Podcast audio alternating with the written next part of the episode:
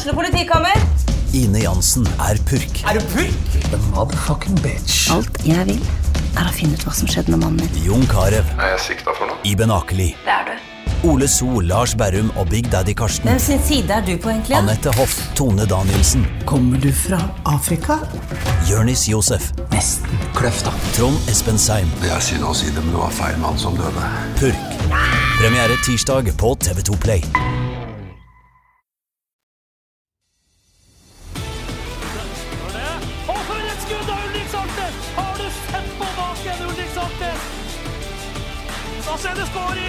Og så skårer Bodø-Glimt.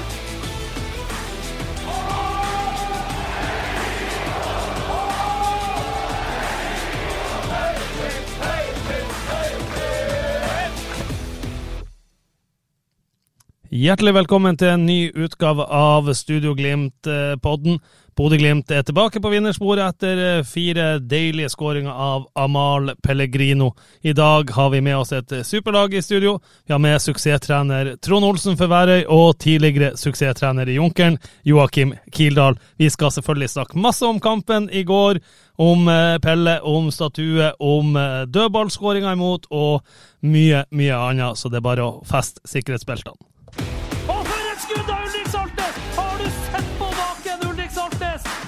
Ja, og først, eh, Trond Olsen. Eh, du som gammel venstreving, eh, du kosa deg vel med å se en annen venstreving i går.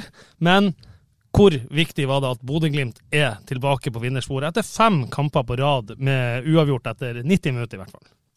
ekstremt viktig i forhold til å uh, henge med i toppen, og at ikke Viking skulle få enda større luke i og med at de òg fikk seg et godt resultat. Uh, Tromsø, som har vært og lukta på noen ting, de er totalt hekta av nå. De har ikke sjanse å hente inn det her, så det, de er ferdig. Uh, så for Bodø-Glimt sin del så, så, var det en viktig, en god seier og tre sårt trengte poeng som uh, nok gir mer selvtillit inn i den gruppa.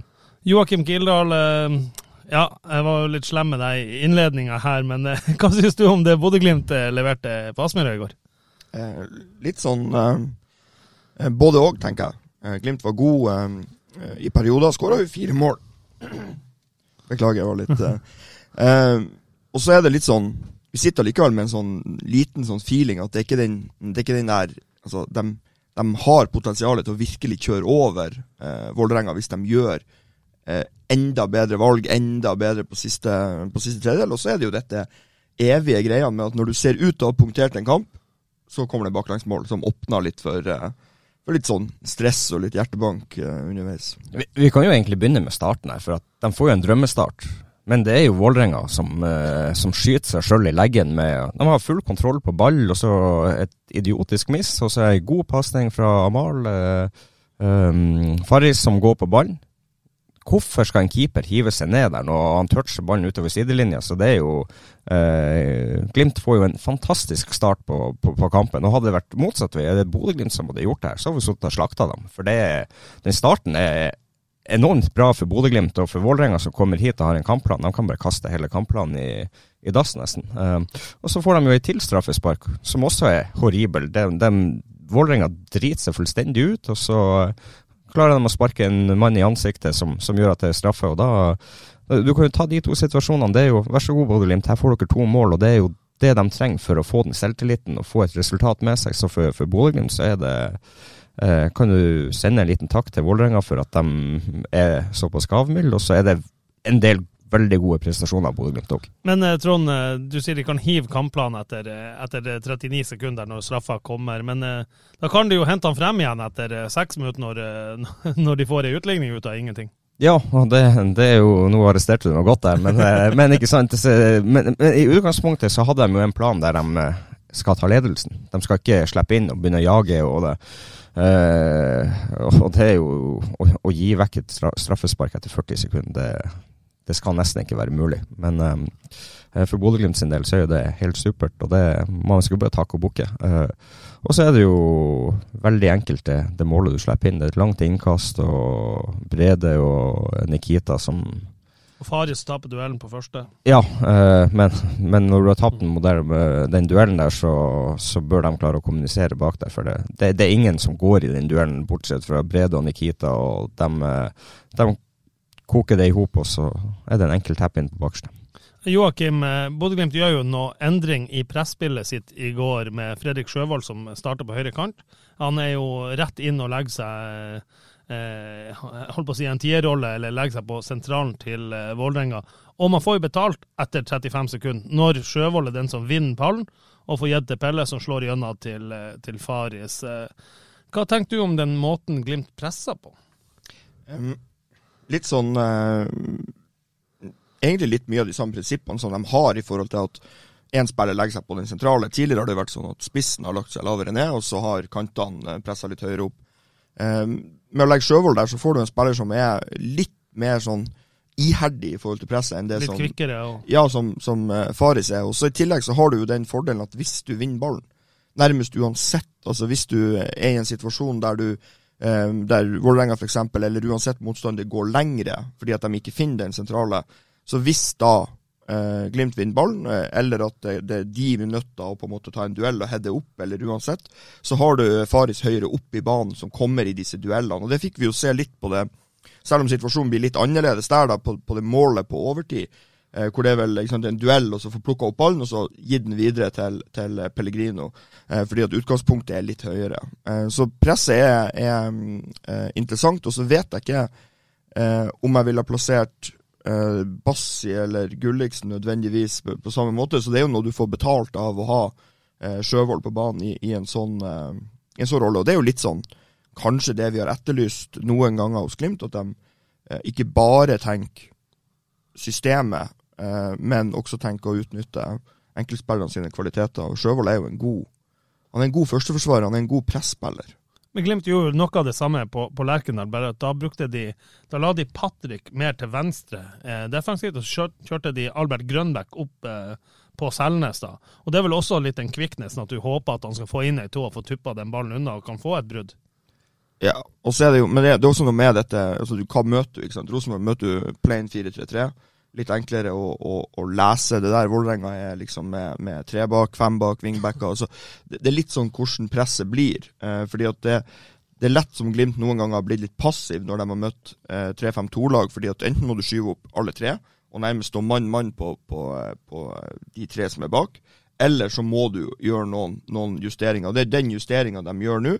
Eh, gir jo da eh, de to foran en, en, jobb, og så får du i tillegg plukka ut en av midtbanespillerne. Da er det lettere for indreløperne å og kan stikke litt ut og ta det pressjobben på, på wingbackene. Jeg syns jo, jo, personlig at det er litt for lett å ende å spille av Glimt når de prøver å legge seg i en 4-3-2-variant for, å, for å, å, presse. Så det, det høye presset syns jeg ikke fungerer noe sånn spesielt godt. Det er det er enda litt for enkelt å bare trille ball og komme seg ut av det, det første presset til Glimt. Så de, eh, de, er nødt til å bli enda råere og kvikkere i, i forflytning og klare å sperre, stenge mer av hvis de skal få mer gevinst ut av det. Så eh, ja, de prøver, men eh, det, er de, det, er ikke perfekt. Det er langt ifra perfekt, og de har, har enda en vei å gå. Men, men, eh, for meg som er litt sånn lekmann i det her og ikke skjønner alt like godt, eh, når du legger en toer på topp, altså du drar en kantspiller Det må jo nødvendigvis bli enorme rom på ene sida. Så det er, jo, det er vel det da Vålerenga kommer, eller de lagene som hvis Glimt møter sånn, kommer vel til å jakte og prøve å spille seg ut Eh, hvis Glimt skyver over med spiss og kant på ene sida og, og, prøver å komme seg ut på andre sida. Ja, men da er det jo også enkelt for Glimt, for de vet jo hvilken side eh, de eh, ønsker å, å, få ballen ut på. Så de må jo lede presset en vei og, og, få stengt av da, og så flytte etter for at du ikke kommer tilbake igjen. Eh, hvis du da åpner opp og du får begynne å gå tilbake, så får du strekk, og det, det åpner seg i Glimt-laget. Det største problemet er ikke vendingsspillet direkte, fordi det så vi på Vålerenga i går, at de bruker litt for lang tid i vendingsspillet. Og så blir det òg det at Um, fordi at Glimt har lagt én spiller på den sentrale, og har disse to, uh, Pemi og, og, og, Pellegrino, som ligger og stenger av eh, på en måte, i hvert fall de, de nærmeste forsvarsspillerne der, så får du ikke det vendingsspillet hvor du får spille disse korte og gjort Glimt enda mer kompakt før vendinga kommer. Vendinga kommer gjerne på 40 meter. Eh, ikke sant? At, at høyre stopper slår helt over, eller at de liksom ikke klarer å finne den De klarer ikke å få rettvendt eller vendt motsatt vei på en av midtbanespillerne for å få spille litt hurtigere ut. Så jeg syns ikke Vålerenga Et bedre lag, hvis du klarer å vende eh, Ikke hurtigere, for det gjorde for så vidt Vålerenga ganske, men hvis du klarer å vende med litt eh, større balltempo langs bakken og få gjort Glimt enda mer kompakt først, så vil Glimt få trøbbel med det. Men sånn som det ble i går, så ble det litt sånn Og så kom ikke Vålerenga høyt nok med vingbackene når de får ballen, så de hadde fortsatt et, et stykke igjen da. Sånn at eh, mot bedre lag så kan det virkelig eh, gi problemer, utfordring. Men, men sånn som mot Vålerenga i går, så syns jeg ikke Vålerenga klarer å, å, egentlig få spilt igjennom det sånn, sånn, godt nok. De kommer seg ut uten store problemer, men de, de oppnår ikke noe sånn stor ubalanse eller problemer. Altså, de, de gir ikke Glimt mye problemer på det. Og det er jo det som er litt av poenget med når vi sier at det ikke fungerer optimalt for Glimt sin del. Fordi at uh, motstanderen er ikke god nok, uh, som Joakim er inne på, til å straffe det. Men med et uh, lag som er litt kjappere i, i forflytninga, flytter ballen fortere langs bakken og, og, klarer å rive Glimt litt opp så han får, må springe fortere over flere distanser. Det er da de, de rommene begynner å sprekke opp, og det er da eventuelt Glimt får problemene. Uh, jeg syns det er små tendenser til at Vålerenga kan gjøre det i går, uh, og derfor sier jeg at det er ikke perfekt, at det er en lang vei å gå. Så vi friskmelder ikke Bodø-Glimt? I friskmelde og friskmelde, det, det, det syns ikke vi kan gjøre. For du, du slipper inn to mål på, på dødball og eh, egentlig har, har, kommet dit at du har kampen dit du, du, vil og har kontroll på det, og så skal det så lite til som, som et par dødballer, så ligger ballen i mål.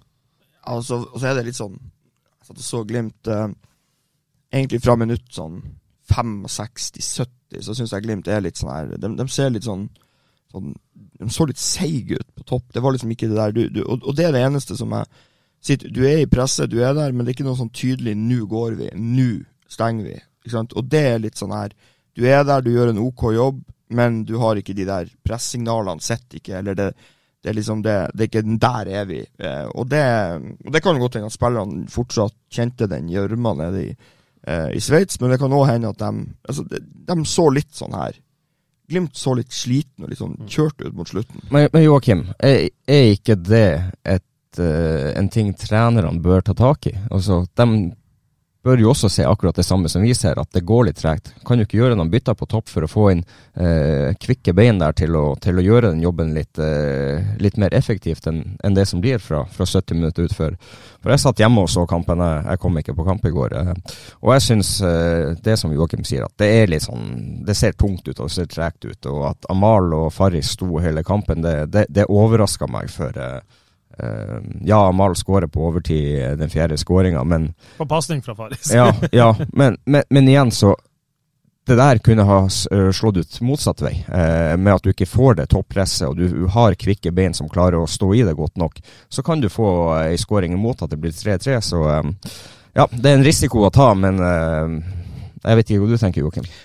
Nei, altså, jeg, jeg tenker jo at nå ble det gjort et bytte tidlig i kampen, da, når eh, må måtte eh, forlate. da, og, og, Vi har jo sett tidligere, vi diskuterte det jo på, på torsdag med de byttene som kom der. ikke sant, altså Bassi har ikke det, det, det sitter ikke for han. Eh, han er ikke en spiller som nå virker som han har noe selvtillit. og han, han klarer ikke verken å det, det, er ikke noe der. Eh, Gulliksen er suspendert.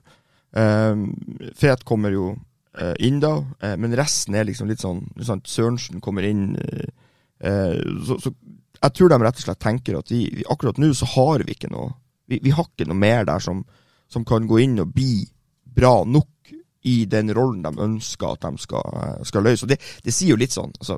ja, Kan du ikke sette inn uh, en Oscar på, på topp for å, for, for, å springe de siste ti minuttene for å, for å rive og slite litt i, sånn. i, motstanderen og, og, presse dem? Eh, en Konradsen kan også komme inn og gjøre en jobb for å gi Glimt noen ting så er det jo som med det, Du starter jo med det, Joakim, det tidlige byttet etter, etter fem minutter.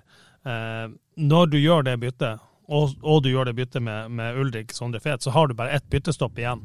Så det, kan det være at de rett og slett vil ha det så lenge som mulig. Rett og slett for at du kan bare bytte en gang til. Så hvis du bytter ti minutter igjen, og en blir skada fem minutter igjen og må ut, eller få en krampe, må ut, så du ikke, kan du ikke bytte. Kan det, kan, kan det, være noe de tenker på, eller? Jo, men sånn har jo fotball alltid vært. Ja, ja. Altså, og, og, det er jo sånn at Som regel blir jo ikke spillere skada. Altså, det, det, er jo, det er jo sjelden at en spiller blir skada. Eh, sånn at Derfor må du jo være villig til å ta en sjanse. for Og, klart, og, og nå ble det lett å si at i går funka det. Hadde 3-3 kommet, så hadde det blitt noe. Da hadde vi slakta her. Ja, nettopp. Eh, og det er jo det som er litt men, men, men, det sier litt om vi, vi, sitter og snakker om Glimt sin stall, ikke sant. Ja da, Gulliksen er suspendert, ikke sant. Og så har du, eh, du har Bassi, du har eh, Petter Nås og Dahl som kommer fra, eh, fra KFUM. Eh, men de to som spiller høyreving i de to siste kampene er Adam Sørensen og Fredrik Sjøvold. Og det er jo en sånn Ok, her fungerer ikke det spillet sånn som vi ønsker at det skal gjøre. For det er jo ikke noe tvil om at Fredrik Sjøvold kommer ikke til å bli Bodø-Glimts faste høyrekant de neste to-tre årene. Eh, og det kommer i hvert fall ikke Adam Sørensen til å bli. Sånn at noe er det her som gjør at man, man er litt sånn her var på, på, disse byttene, man er litt var på at ting ikke fungerer. Og da ønsker man så lenge som mulig, så overhodet så lenge som mulig, å beholde de spillerne på banen som er god nok. Og så er det sånn at um, Det er lett å sitte når Glimt har gjort det dårlig, og sitte og si litt, men Albert Grønbæk ser litt sånn engelsk ord litt sånn sluggish ut. Det går ikke like eksplosivt hele tida, sånn som det gjorde for noen måneder siden. Eh, Amal Pellegrino, nå skåra Pellegrino fire mål i, i, i, i, går, men noen kamper nå som han har sittet og lurt på hva, hva gjør han ute på banen der? Ikke sant? Det ser ut som han bare går og trør eh, luft, ikke sant? Og, og, egentlig ingenting annet. PMI virker ikke som han har mange mål i seg akkurat nå. Eh, og da er det sånn Når du da i tillegg vet at det er en stund siden Saltnes hadde noen innhopp hvor han skåra, nå skåra ikke han. Sonny Brunstad Fet skåra jo ikke. Eh, og det virker ikke som at Bassi eller disse er så voldsomt målfarlige akkurat for tida. Så det er sånn, Da må du beholde de spillerne som du sitter med en feeling kan score på banen. For hva skjer hvis at du bytter ut Pellegrino, hvis du bytter ut Pemi etter 75 fordi de ser litt sånn døde ut, og så kommer 3-3, og så har du ingen da som er Og det, den, den der er litt sånn de har noe å tenke på, de på benken. Ja, men, men du, du, kan snu, ja. du, kan jo også snu, på det. Så kommer 3-3, og så har du to stykker på topp som ikke klarer å springe. Ja, så, ja, og det er jo det som er at det, det, Hva gjør du da? Du får veldig den her enten-eller-greia. Altså, så langt det, gikk det jo bra nå. Så har det jo ikke gått bra i alle kampene. Eh, men det er litt sånn altså, eh, Hvis du ser forskjellen, og nå vet ikke jeg det, fordi det har vært litt interessant å, å visste det, men hvis du ser forskjellen på Glimt nå kontra i, i mai-juni, så skulle jeg likt å sett litt sånn her antall involveringer angrepsspillerne har, litt antall eh, liksom sånn, altså Hvor ofte går det veldig fort fremover med Glimt? Altså Det er litt sånn Det, det, det er ikke det der Det der sånn liksom konstante presset som vi har vært vant til å, å se. Og det, men, men altså, spiller utrolig mange kamper. Jeg syns Glimt fikk vanvittig godt betalt i tidlig i sesongen. Selv om de ikke var kjempegode, så var de jo gode og vant jo kamper. Men men nå syns jeg vi, vi, har sett det litt over tid, og, og i går òg. Det var ikke langt unna at uh, Ofgir, når han kom inn der, så har han jo Altså, den, den får han den fra andre sida, på høyrefoten. Eller uansett, hvis han ikke går for bakken, men smekker den opp i nærmeste, så er det jo 3-3. Mm. For det er jo en bra sjanse. Sånn ja, og, liksom sånn også ikke minst den kontringa de ja, ja. kommer på som, som, som uh, Han burde jo ha slått Ofker tre sekunder tidligere, for da hadde han jo vært hatt 30 meter alene med keeper. Og det, og, det, og det, er jo akkurat den er jo Hvordan klarer Glimt å sette seg i den situasjonen? Det er jo Jeg syns jo det er ja, Nå har jeg ikke så kjempegode bilder på det, Nei, det var elendige bilder på TV. Men, men, men, men uh, altså, det jeg ser der, det er jo at det er et hav og åpent. og det, Dessverre så kommer ikke den i reprise for meg som sitter hjemme og ser det på TV, men det er altså å sette seg i den situasjonen. Det er én mann de skal ha kontroll på, men det er ingen i nærheten av han. Heldigvis så gjør Lode en god jobb og kommer seg inn og får avverga den, men eh, blir den spilt, som Joakim sier, tre, tre sekunder tidligere, så er det 3-3. Ja.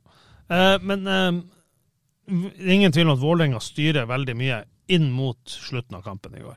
Men det jeg syns Glimt gjør veldig bra, Eh, helt på slutten. Det at de tar tak i ballen de siste fire minuttene, før, rett før de skårer, så er jo ikke Vålerenga borti ballen. Da, da, de stormer ikke i angrep, de bare holder ballen, spiller opp, spiller ned. La Vålerenga springe etterpå. Det viser jo at de har litt rutine i det, skaffa seg på å også ta ut litt tempo av kampen.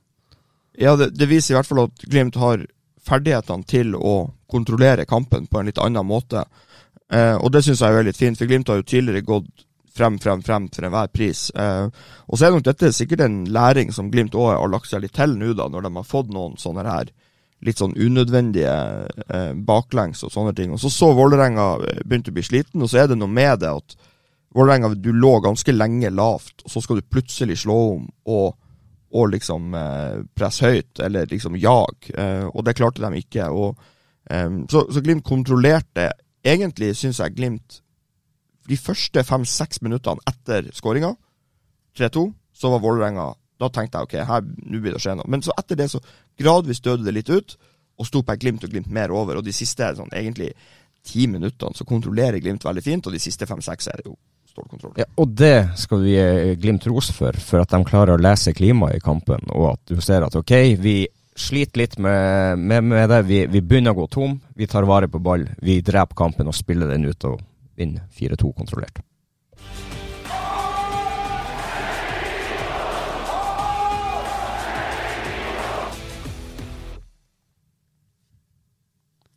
En mann som har fått velfortjent hyllest mange ganger i Studio Glimt-podden, det er Amal Pellegrino. I går så skårer han igjen fire Eller han skårer fire mål. Han er selvfølgelig totalt matchavgjørende for Bodø-Glimt. Etter noen kamper som Joakim er inne på i sted, hvor han kanskje har, Vi har lurt på hva i all verden han har gjort på banen. I går er han tilbake der, eh, der vi liker å se han, og han står nå med spinnville 22 mål på 22 seriekamper. Ja, Trond, du har nå okkupert den venstrekanten der eh, til Glimt opp gjennom årene, men eh, du kan få lov å nok en gang si hvor imponert du er av, av målskåreren av Mal Pellegrino. Nei, det er, det er helt vanvittig, det målsnittet han har og de egenskapene han har eh, når han får sjansene. Han er, han er brutalt rå. Ja, han har vært litt av i de siste kampene, og vi har eh, virkelig lurt på hva han, kan ha gjort på banen. Eh, men eh, i går så er han er han dødelig effektiv og um, gjør en fantastisk uh, jobb for laget med å skåre fire mål. Um, og så er det jo uh, Ja, hva man skal si. Man kan, uh, du kan bruke så mange ord på det, men å skåre 22 mål og du har åtte-ni kamper igjen, det, det, kan bli over 30. Og over 30, Joakim, det hørte vi i Mikson i går. Det er tall han, han har merka seg at Odd Iversen har det er en rekord der. Nå skal det sies at Odd Iversen spilte 18 kamper på den tida, men uh, rekord er rekord. Uh, tror du at han tar uh, Odd Iversen? Tja Ikke hvis han er i den Altså, ikke han, men ikke hvis Glimt er i den formen de var, eller har vært inn mot denne kampen, eller egentlig vært gjennom en periode, så tror jeg ikke nødvendigvis det blir så lett. men så ser vi det jo i går at sånn i selve spillet så er det én ting det Pellegrino gjør. Eh, han er OK, men jeg syns ikke de relasjonelle ferdighetene sitter like bra. Men så er det dette med nettopp det vi snakker om, hvorfor har man han på banen? For han har en vanvittig spissferdighet. Han skårer mål. Eh, og det å ha den, og, i tillegg nå være Han er solid på straffa, han er trygg der, og, og han, han, Det er liksom Når du skal skåre fire, så selvfølgelig kan du skåre åtte mål på de åtte siste kampene. Det, det sier jo seg sjøl. Eller ni mål og komme over. Eh, det, det, er det ingen, eh, ingen tvil om. Og kjenner han rett, så skårer han sikkert eh, to-tre når godset kommer på besøk neste helg. Så det, det er uten tvil en, en, en målestokk som er fullstendig mulig for han å, å nå. Det var jo noen av guttene vi snakka med i går. Fredrik Sjøvold sa Norges beste avslutter. Adam Sørensen sa Skandinavias beste, beste avslutter. Og det er vel litt det Trond altså, Han er så Altså, Du ser det ene straffa opp i krysset til venstre. Han hamrer den inn med strak rist på 2-1. Han eh, setter straffa med breisida i motsatt hjørne, uttakbart på, på 3-1. Og han, han, kjører i tillegg eh, kjører han eh, den runde keeperen på 4-2. Det, det, er imponerende. Ja da, han skårer mål på, eh, på flere måter. og det, det, det, er jo ofte å se at han drar seg bare inn i banen og legger han i lengste kryss. og det han har, han har en veldig god fot og er veldig dyktig på å avslutte. Men det, det, er også et men der. for at du, du, du har sett i de kampene når han ikke har vært helt, uh, helt på, han har fått det til å flyte, så, så får han sjansen mot Rosenborg f.eks., og da setter han en eh, fem meter utafor. Så i går fikk han en god start, kom inn i kampen, fikk selvtilliten, og får håpe at han uh, klarer å holde den ut resten av sesongen. Ja, han er jo også involvert i begge straffesparkene. Det er jo han som slår igjennom, eller slår ballen til, til Fares på begge, ikke det? I hvert fall den første. Fall den første. Ja, andre husker jeg ikke her nå i farta. Ja, jeg tror det. Jeg tror, tror um, Pellegrino er Eliteseriens uh, beste avslutter, det er det ikke noen tvil om. Jeg tror det er en spiller som I Manchester City? Jeg tror han hadde skåret 60 for Bodø-Glimt.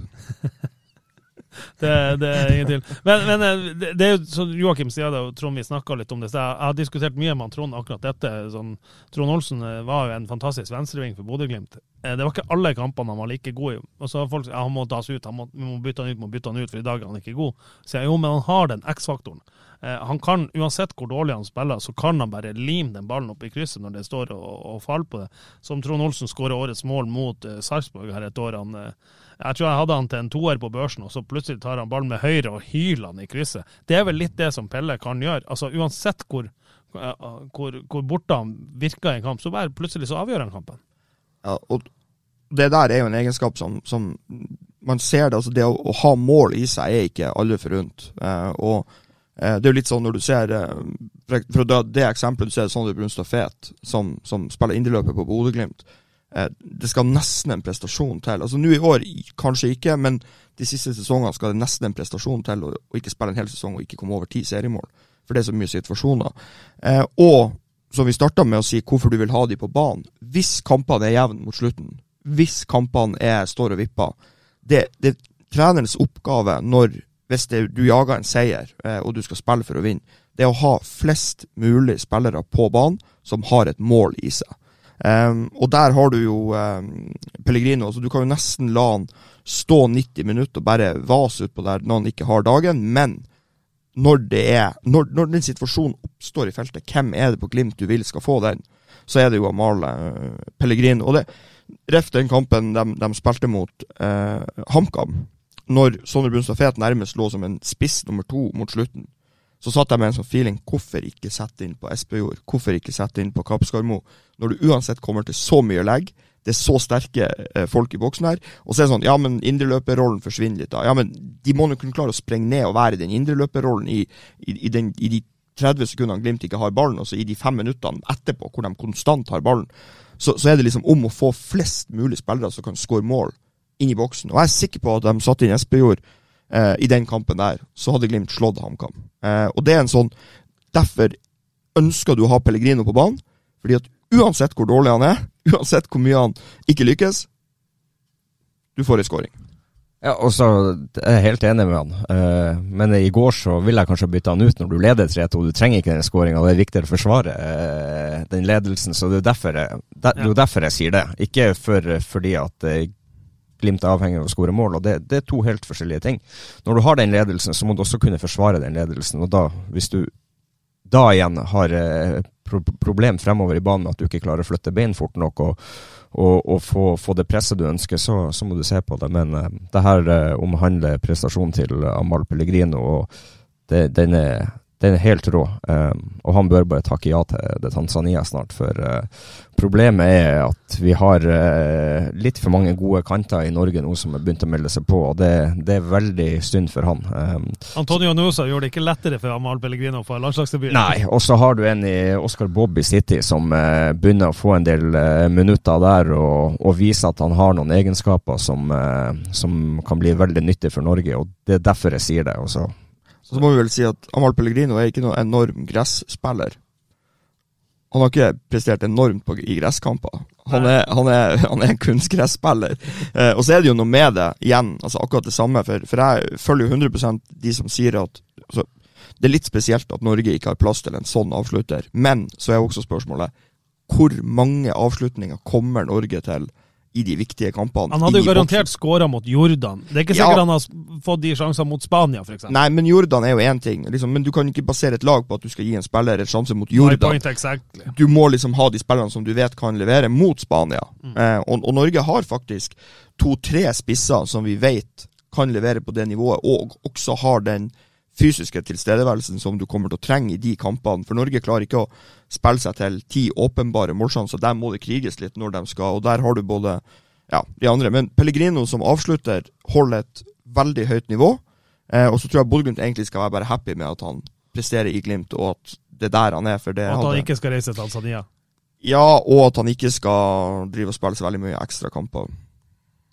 Ja, det er jo For Bodø-Glimt sin del så er det jo ekstremt viktig at han får hvile i de, de periodene. Men jeg tror dessverre for han at uh, det er veldig synd for han, for han hadde fortjent med det han leverer i den norske eliteserien og til dels ute i Europa for Bodø-Glimt, så hadde han fortjent den sjansen. Det er bare så synd at det er noen som er noen hakk over der og spiller på, på høyere nivå enn Eliteserien, som, som også er ganske god. Tenkte Vi skulle, vi, vi har hylla Amal Pellegrino fortjent. Vi skal også hylle en annen som jeg syns fortjener det. Vi var inne på han helt i starten, Fredrik Sjøvold. Eh, får sjansen fra start. Han er involvert i de tre første målene til Bodø-Glimt. Eh, gjør, gjør, en kjempejobb. Duracell-kanin. I andre omgang så spiller han litt høyre back, for at Kjetil mente på at Adam kunne dra seg inn og slå inn fra eller fra høyresida med sin venstrefot. Det var lettere å gjøre som høyre ving, så da bytta de litt der på høyre back, høyre ving, og så plutselig defensiv, så er Fredrik Sjøvold oppe og, og presser eh, Elias Hagen, og så blir han stående litt på høyrevingen. så han spilte i tre forskjellige eh, posisjoner i går. og Jeg så på nett her at det var noen som mente på at har, han kommer rett inn på um, topp tre over de beste potetmerkene i, i Norge her. Eh, Trond, eh, hvordan, det, hvordan, hvordan, tror du det er å ha en sånn spiller på laget som, som bekler tre posisjoner i, i ett? Det, det, det, er veldig godt å ha en sånn, for det, det er sånn et konstant irritasjonsmoment for, for motstanderen å ha en som hele tida er å svirrer rundt der og plage og ødelegge og, og forstyrre. Og så er han jo en, en, god fotballspiller som har tatt veldig store steg, og jeg syns um, det er fortjent at han spiller og han får minutter. Og uh, jeg syns han har virkelig tatt vare på, på de sjansene han har fått. så uh, um, det er vel kanskje bare å finne den korrekte posisjonen til han, der han kan få lov til å utvikle seg og bli veldig god. Joakim, hva er den korrekte posisjonen til, til Northug, som de kaller han?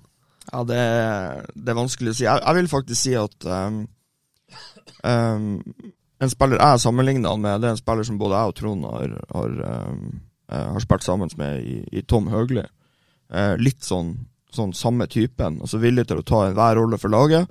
Veldig god og vanskelig å komme forbi én mot én uh, defensivt. Uh, og og, og, gjør alltid det, liksom, det du får beskjed om, og løse oppgavene på en, eh, på en, god måte. Og så er det sånn at ja, i Glimts system så må du nok ha en posisjon for å kunne bli en fast spiller over tid. Eh, og jeg tror jo at muligheten til Fredrik Sjøvold der ligger primært som høyreback. Eh, og så er det ingen grunn til at han ikke skal klare å løse den rollen til Sondre Brunstad Fet like godt som Fet gjør. Eh, det er jeg ganske sikker på. Uh, men, men, så er jo spørsmålet om Fet er et 100 førstevalg. Det er han vel ikke hvis at alle er 100 Så høyreback, ja. Eh, høyrekant, nei. Og så er det en til som fortjener en hyllest i går. Han ble hylla så det sang etter på Aspmyra før kampen. Harald Lutteberg, endelige statuer oppe. Det var vakre øyeblikk, Trond. Ja, jeg var jo dessverre ikke og fikk, fikk overvære den, men um, ja, det, det, er vakkert. Og det er en mann som har uh, betydd uh, nesten alt for klubben, og har mye av æren for at klubben er der den er. Så uh, at Dutte ble um, hedra på den måten, og det står en statue av han der, det, det, er vakkert. Ja, han har jo bidratt i mange år etter han var ferdig å spille fotball òg, med å jeg skal ikke si at han har bidratt med å videreføre genene videre nedover, men, men, eh, de har jo gjort det. Nå, klart, altså, du kan ikke tenke Bodø-Glimt uten å nevne Berg. og det liksom Dette med, med Dutte og, og, den starten på den, den Bodø-Glimt-historia er, eh, er, jo noe spesielt. Og det, og det, viser jo allerede fra tidlig av at det er mulig å bli kjempegod eh, her oppe. Eh, og, og født i i, i Bodø under krigen, og liksom sikkert alt det som det medførte etterpå, og, og en del utfordringer. Men, men, liksom det de har gjort eh, eh, Altså, de som vant i 75, der han var i, i sto liksom i spissen for dem, eh, og det de har vært med på seinere òg, og vært av kultur, og det er jo det, er det som er Bodø-Glimt. Så er det skåring! Og så skårer Bodø-Glimt! Vi har snakka om X-faktoren Bodø-Glimt har i Amal eh, Pellegrino. Men jeg tenkte vi skulle snakke litt om annen type X-faktor. For Bodø-Glimt har de siste årene, også i årets sesong, når Joel Muka og Nino Sugell eh, var på banen, har de spillere som klarer å dra av. For Glimt møter jo lag som ligger veldig lavt. De møter lag som murer igjen bakover, og da er det ofte viktig å ha en spiller som kan skape en ubalanse med å rett og slett drible en motstander. Bodø-Glimt har jo selvfølgelig Amal Pellegrino, som har en X-faktor av en annen verden med å skyte ballen i mål. Han er ikke, kanskje ikke Norges beste dribler. Eh, Glimt har Albert Grønbæk, kan dra av en mann og skape ubalanse. Vi har backer som kan komme bakfra og skape ubalanse. Men Trond, mangler Glimt X-faktor fremover i banen på å skape ubalanse med å rett og slett drible av spillere i et veldig, veldig lavt 5-3-2, 5-4-1, eller hva de alltid møter? Ja, det syns jeg. Eh, de har hatt eh, tidligere med Jens Petter Hauge, Filip Sinkernagel, eh, Joel Mvuka til dels, selv om det ikke ble så fryktelig store sluttprodukter ut av det. Men så kunne han dra av folk og skape litt furore og, og gjøre det litt ja, mer uforutsigbart i forhold til, til, til hva motstanderen forventer. Nå er det litt for mye trilling av ball, og så er det litt for få som er dyktige nok til å dra folk og skape overtall på den måten. Hva du sier du, Joakim? Jo, jeg, jeg, er enig, og så er jeg spent på hvor mye X-faktor som bor i um, f.eks. Daniel Bassi, og hvor mye X-faktor som bor i um, Petter Dahl. Altså det, det, liksom, det, er litt sånn det, det, er noe der, men jeg tror jo dessverre for Eller dessverre, altså, jeg tror sånn som ting er nå, så Bassi er egentlig en bedre venstrekant enn han er en høyrekant. Fordi at når han får ballen nå, så er det liksom stopp ballen, slå støtte. Stopp ballen, slå støtte. Du, du, du, kjenner ikke at Må du tørre å slippe seg løs mer. Ja, du kjenner, du, du, liksom Som back og møter han, så er det sånn ok, det er bare å være nært nok, så spiller han ballen tilbake. Eh, ikke sant? Altså, det, det kommer ikke den utfordringa, det kommer ikke det taktomslaget. Litt sånn på selvtillit. Og da, da sitter du med den feelingen at jeg tror det er muligheter for noe X-faktor i det Glimt-laget én mot én, men det er dessverre ingen av de som har fått muligheten på høyre kant eh, i de siste kampene, selv om Gulliksen hadde sånn OK start, eh, som, som, virkelig viste de der drible.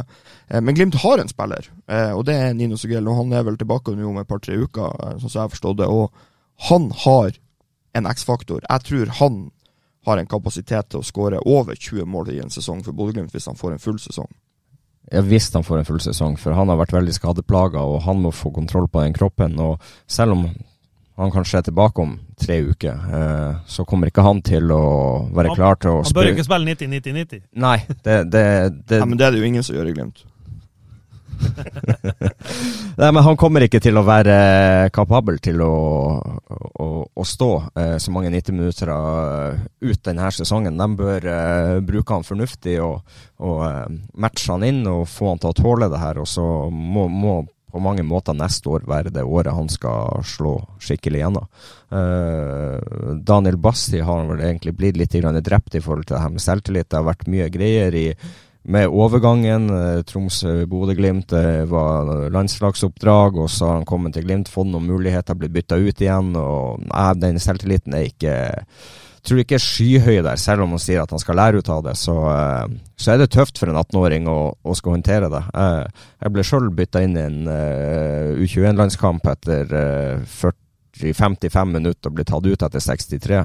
Jeg kan love deg det at den selvtilliten var ikke høy etter det, og det, det gikk kraftig inn på meg.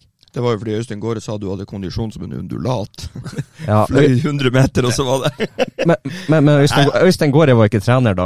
Og, og, og, og, jeg ble bytta ut til fordel for en høyreback som skulle inn og spille spiss, og det var det, Ja, men same, same. Jeg, jeg, ser jo den, og så er det jo noe med det. Altså, og jeg er jo ikke så opptatt av disse numrene og sånne ting, men det er sånn Du signerer Bassi fra Tromsø um, i det som er en veldig sånn omtalt overgang. Uh, ikke sant? Uh, forlater Tromsø, går til Bodø-Glimt, liksom, var i utgangspunktet skulle sitte ut, ikke ville skrive ny kontrakt, bla, bla, bla. Alt, alle disse tingene.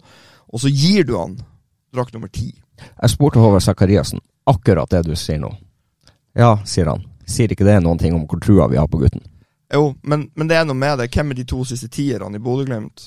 Det er liksom Philip Sinkernagel og Hugo Vetlesen, er ikke det? Jo da. Jo, og det er sånn Gi nå det litt altså, altså, Hadde det vært en fordel å spille det der litt ned? Hva han hadde før han kom? Ni-ti eliteseriekamper? Ikke mye mer, i hvert fall. Nei, og, og, liksom Det hadde vært Og det har vært en sånn eventyrhistorie én sesong, ikke sant, i, i, i, eller en halv sesong i Tromsø, og spille venstre wingback, eh, eller wingback, da, ikke sant. Og, sånn, det er sånn Gi det litt tid. Bassi tror jeg har masse ferdigheter, jeg tror han kommer til å bli bra. Eh, men nå er det en gutt som òg trenger eh, Og det, det, kan jo snu, det vet vi jo, fotball kan jo snu på 1, 2, 3, men det er en gutt som trenger en, eh, en, en vinter, ei oppkjøring, og så tror jeg vi kan se mer ut av det. Han kommer jo til en helt annen type fotball, også han. Altså, så, så, Det er vel ikke noe tvil bare så, hvis folk tror at vi, vi, sitter, vi og sager Daniel Bassi for at Glimt ikke har X-faktor. Vi har enorm tro på Daniel Bassi. Eh, som du sier, du tror han kommer til å bli kjempegod. Eh, og så er det noe å komme fra spill eh, venstre, på venstresida i en 3-5-2, 5-3-2, til å spille høyreving i en 4-3-3. Det er en helt annen rolle. Ja, og så er det jo litt som uh Joakim Joakim eh, sier at eh, Nå sto navnet helt stille her. Det var, du, jeg har navnet, ja.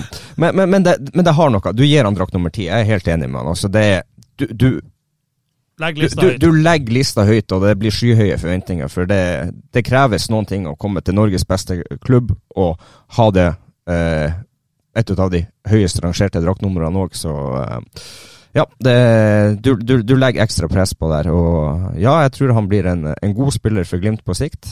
Men han trenger, han trenger, selvtillit, og han må få selvtillit gjennom gode opplevelser, og ikke, ikke mange dårlige igjen.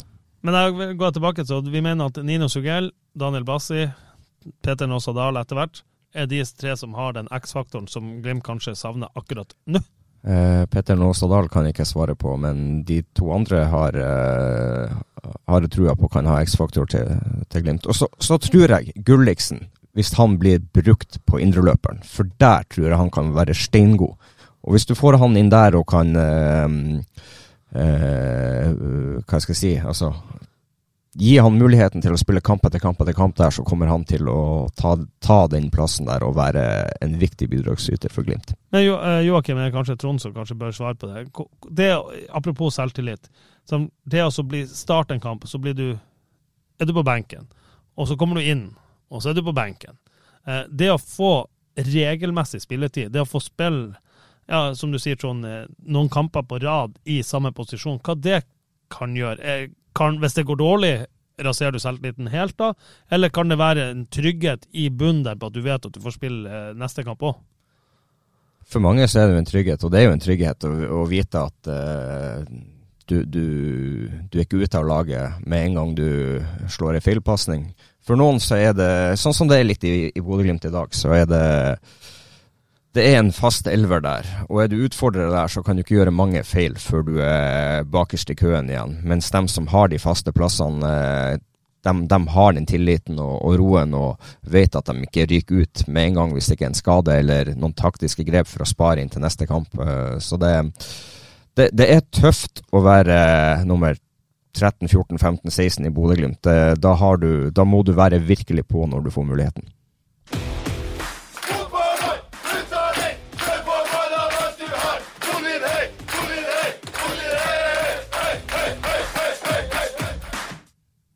Jeg holdt på å si ikke en podkast uten at vi skal snakke om eh, litt irritasjonsmoment eh, rundt baklengsmål for Bodø-Glimt. I år så har Glimt vært eh, De har sluppet inn en del enkle mål, det har vi snakka om gang på gang. Men stort sett så har det kommet av personlige feil eller enkle mål i åpent spill. I de tre siste kampene nå så slapp de inn straffespark mot Rosenborg. De slapp inn to dødballmål mot uh, HamKam, uh, i hvert fall de to siste. Og man slapp inn to uh, dødballmål igjen nå mot uh, Vålerenga. Joakim, er det så forbarska vanskelig å forsvare seg på dødball? Det, det, er veldig vanskelig for Bodø-Glimt å forsvare seg mot stygge mål imot.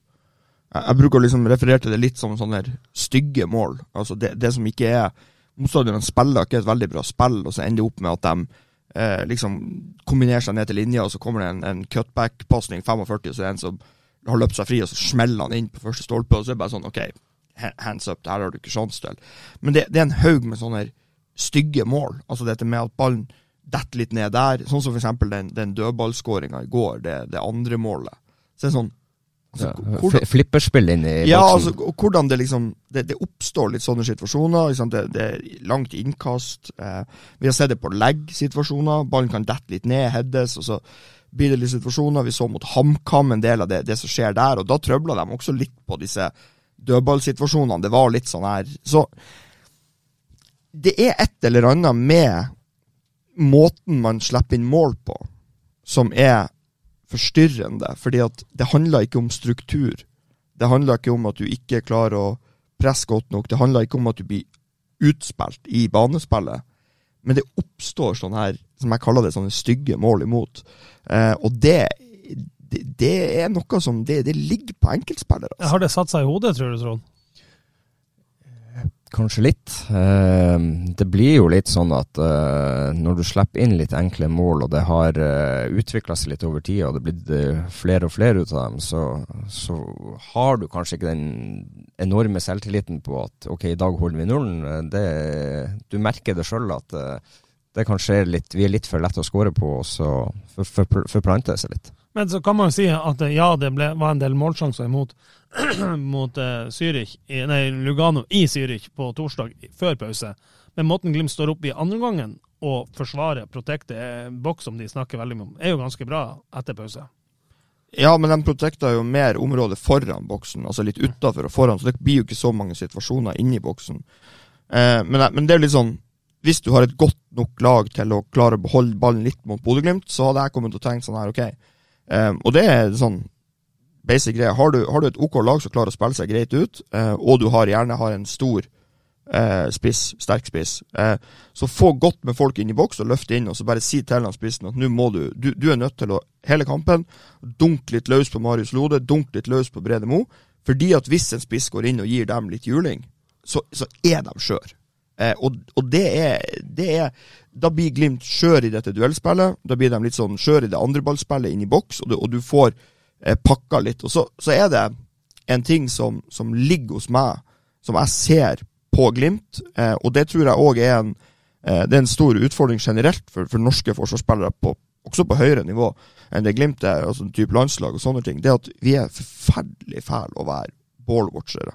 Altså Når ballen nærmer seg området, så er blikket så fokusert på ballen at du, du er ikke obs på det som foregår rundt deg. Og hvor mange ganger er det ikke sånn at vi merker at det er nesten at en spiller når ballen imellom stopperne, kommer en på baksida, de løper han på blindsida. Vi fikk det Tromsø-målet som vi lurte på hva i alle vide verden det var som foregikk. Og det der er ikke stopperne til Glimt gode nok på. Det er ikke forsvarsspillerne til Glimt gode nok på, og faktisk heller ikke de midtbanespillerne. Når situasjonene oppstår, så blir de veldig sånn ballwatching, og de, de plukker ikke disse eh, tingene. Og det er, det er, en egenskap som ikke går på blokkering eller takling eller duellstyrke. Det går rett og slett på orientering. Og vi snakker mye om orientering offensivt, men du må være god å orientere deg defensivt.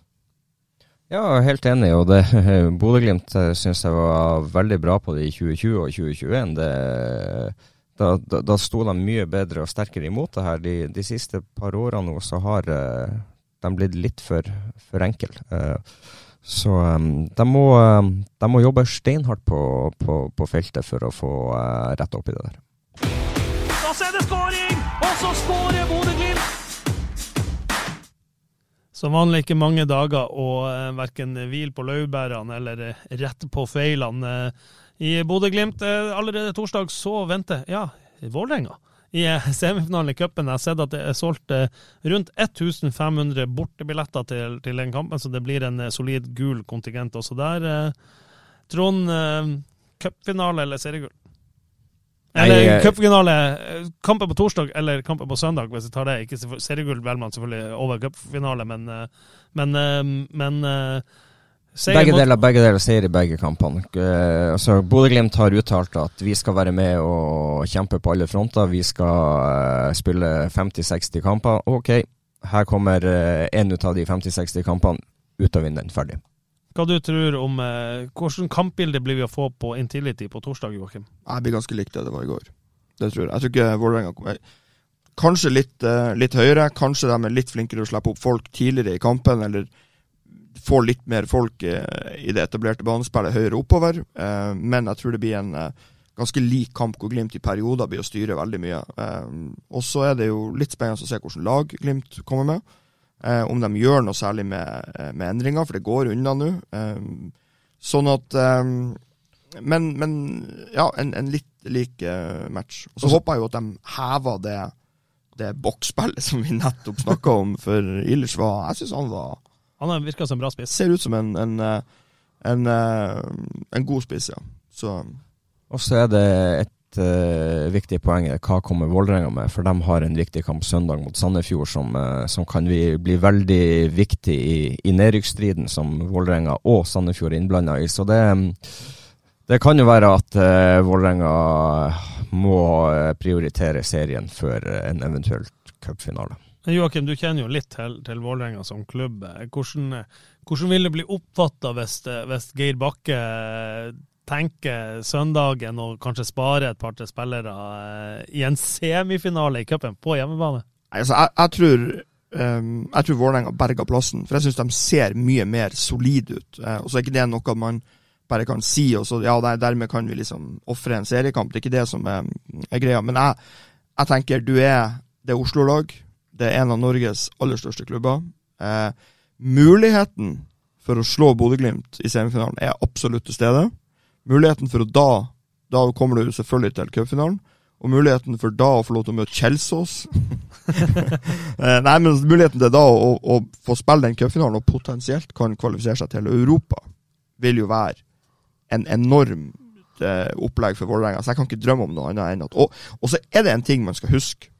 For jeg, jeg diskuterte dette med, med, Etter at vi eh, gjorde en OK cupkamp mot Bodø-Glimt med Junkeren, så er det sånn både i, i 2021 og i Eh, og i 2022 mot, mot, Lillestrøm, og nå i 2023 så er det sånn ok, vi har seriekamper kort tid etter. Har du lyst å gjøre det bra i serien? Ja. Er det viktigere? Ja. Eh, vi endte opp med å tape seriekampen etterpå, men det hadde blitt så dårlig stemning hos de spillerne som man kunne tenkt seg til å hvile, hvis man hadde satt dem ut mot Glimt i den cupkampen. For det er jo sånne kamper man vil spille. Semifinale i cupen, den vil jeg spille. Og hadde jeg vært fast mm. Men så kan jeg stille et spørsmål. Kjelsås, Molde spilles jo på onsdag. Ja, den vinner Molde. Ja, Molde er jo skyhøye favoritter. Men la oss si helt hypotetisk at Kjelsås slår ut Molde. Tror du det ville kunne hatt noe å si for laguttak? For da vet man at man får Kjelsås ikke oppe på den hjemmebanen deres. du får de på Ullevål. Et lag du, du kommer til å slå i en cupfinale 19 av 20 ganger. Eh, du er sikra Europacup, da. Tror du det ville kunne hatt noe å si for et uttak? Ja, men jeg tror ikke vi kommer dit. Nei, det tror ikke jeg heller. Trond, hva du tror om eh, det som venter Bodø-Glimt på torsdag i Oslo? Jeg tror jo det at det er et Vålerenga-lag som har sett at det finnes muligheter på, på Bodø-Glimt. Og det, jeg tror jo de drar hjem fra Bodø med at ok, det, det, kan være muligheter der. Og så er det et Bodø-Glimt-lag som, som, vet at ok, vi slo, eh, vi slo Vålerenga nå, men prestasjonen vår på torsdag må enda et par eh, hakk opp for å, for å stå i en cupfinale. Og den cupfinalen der, det, det er noe Bodø-Glimt absolutt bør eh, prioritere. for et cupgull kan vel eh, bety Europaliga, hvis det ikke tar helt feil, hvis eh, serien rykker.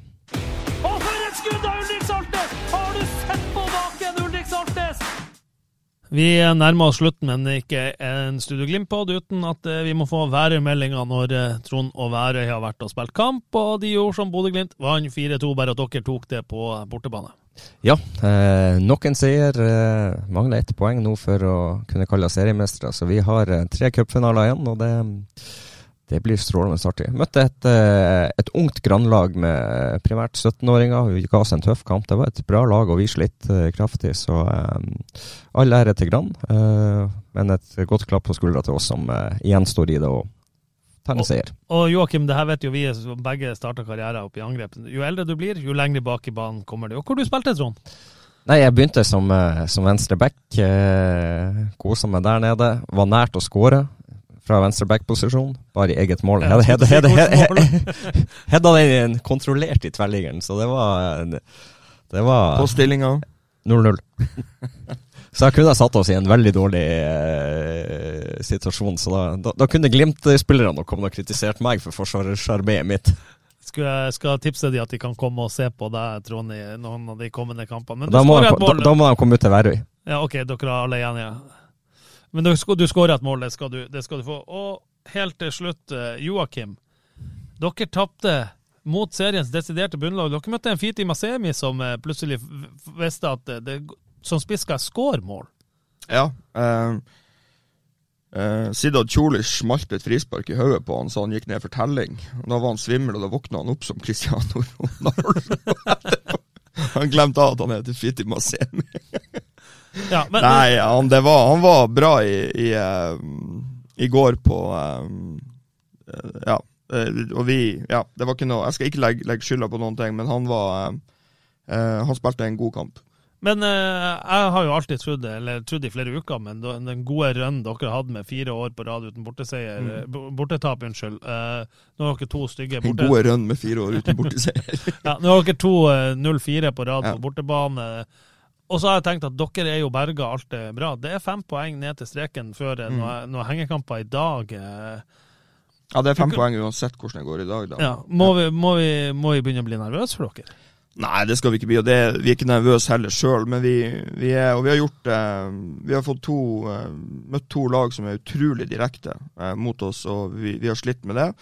Litt ref det med, med litt sånn stygge mål og litt sånn dødball og, og litt sånne ting. Og så har vi gjennomført to egentlig veldig gode hjemmekamper, eh, som dessverre bare har endt med ett poeng, hvor vi tapte 1-0 og hadde masse sjanser mot Alta. Og så spilte vi 1-1 mot Gjøvik i en kamp vi burde ha punktert før det. Eh, sånn at jeg er ikke bekymra, eh, og, og vi har mange fine kamper igjen. Dere sånn har sånn en ekstremt viktig kamp mot Bærum på søndag. ja, og vi, altså vi skal møte i de siste eh, Nå har vi Sotra og Strømmen eh, som er over oss, da, men i de siste seks skal vi møte fire lag som ligger under oss på tabellen. Sånn at vi er i en veldig god posisjon, og vi har også fire hjemmekamper og to borte. Sånn at det er ikke noe Vi er ikke stressa, men det, vi, er, det, vi er nesten et nytt lag siden vi var i eh, slo blink her rett etter sommeren. Så er det vel eh, fra det laget og til i går, så er det vel sju spillere som ikke var med. Og klart, det, det Når vi går fra å spille med masse voksenspillere til å spille med mange unge uerfarne, så vil det ta litt tid, og det, det er sånn er fotball. Når vi snakker om å være bekymra, så er jeg bekymra for Glimt 2.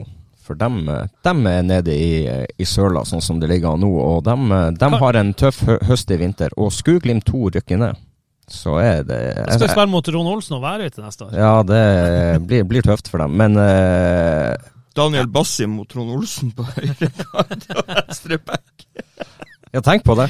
Ja. Ja, ja nei, men det, men det er ikke Altså, Glimt 2 ned i fjerdedivisjon, det, det bør ikke skje. Og der eh, må de ta tak for å få berga den, eh, det de, andre kan være, de kan være under streken etter helgas kamp eh, mot, eh, borte mot Orkla, som er bak dem på tabellen. En ekstremt viktig kamp.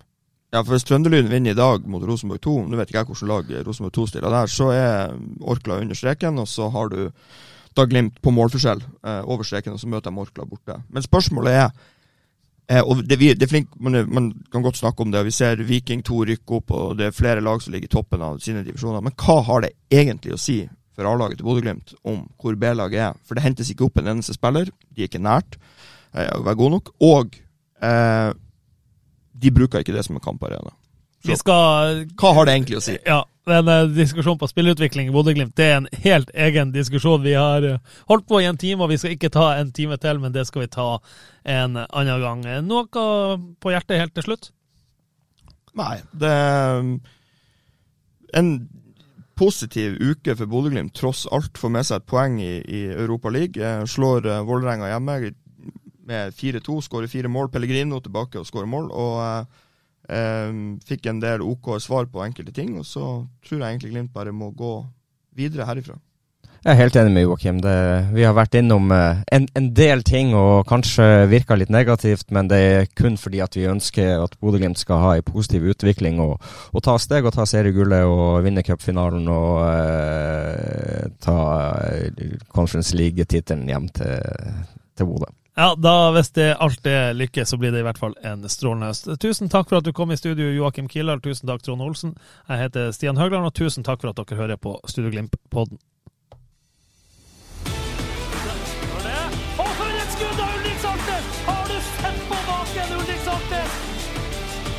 Og så er det skåring, og så skårer Bodø-Glimt.